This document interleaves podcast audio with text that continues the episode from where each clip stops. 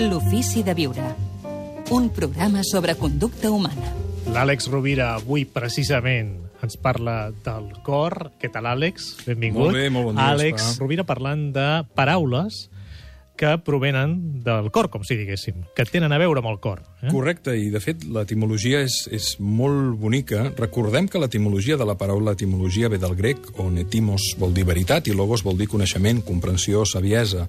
Per tant, és molt, molt interessant apropar-nos al diccionari etimològic per entendre com hem construït el nostre llenguatge i, en conseqüència, com hem construït el nostre pensament per, per manegar la realitat, no?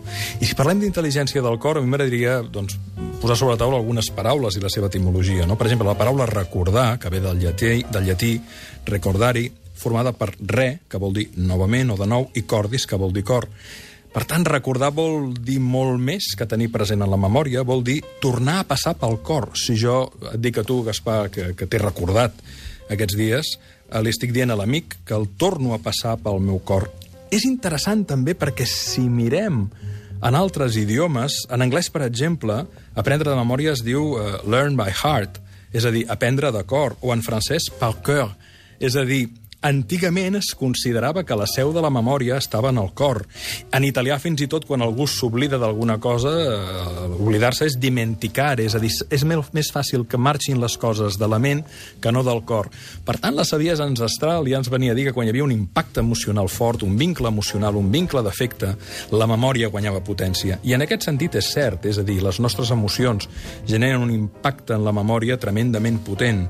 Fins i tot paraules com acordar té una etimologia similar, que vol dir acordare, del llatí és a, proximitat, i cordis, cor, és a dir, unir els cors.